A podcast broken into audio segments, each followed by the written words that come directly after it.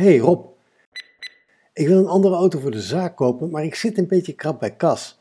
Vind jij een jonge occasion dan een goed idee? Goeie vraag. Een jonge occasion is fiscaal zeker aantrekkelijk. Maar je moet goed kijken naar de bijtelling. Ook als je een elektrische occasion koopt. Ik leg het je zo uit. Eerst een paar cijfers vooraf. Voor een nieuwe, niet-elektrische auto betaal je nu 22% bijtelling. Dat percentage ligt voor 5 jaar vast. Voor een nieuwe elektrische auto is de bijtelling nu 8%. Maar dat percentage gaat stapsgewijs omhoog naar ook 22% in 2026. Wat ga je nou doen als je een andere auto wilt kopen, maar een nieuwe auto is je te duur? Dan heb ik deze tips voor je.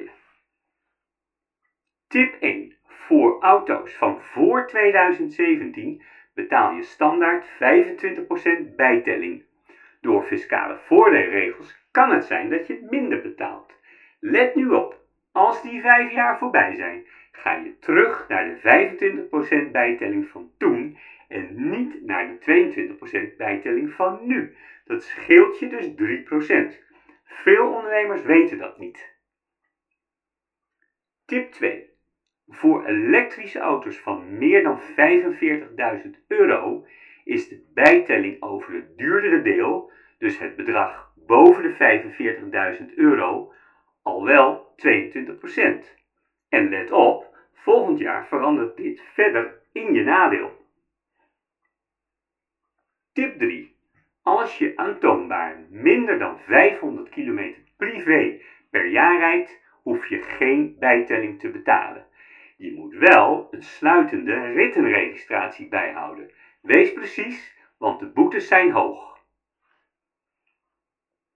Tip 4. Misschien is een youngtimer wat voor jou. Dat is een occasion van 15 tot 25 jaar oud. Je betaalt 35% bijtelling, maar over de dagwaarde.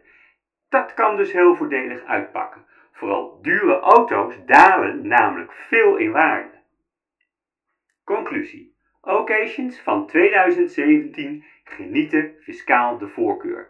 Dat scheelt je sowieso 3% bijtelling. Kijk op de site bij Tips van Rob voor meer informatie. Heb jij ook een vraag? Ga naar Facebook en roep: Hey Rob!